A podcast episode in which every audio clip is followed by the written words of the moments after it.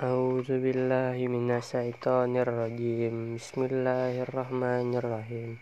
أرأيت الذي يكذب بالدين وذلك الذي يدعو اليتيم ولا يهد على طعام المسكين فويل للمصلين الذين هم عن صلاتهم ساهون الذين هم يراءون ويمنعون الماعون صدق الله العظيم.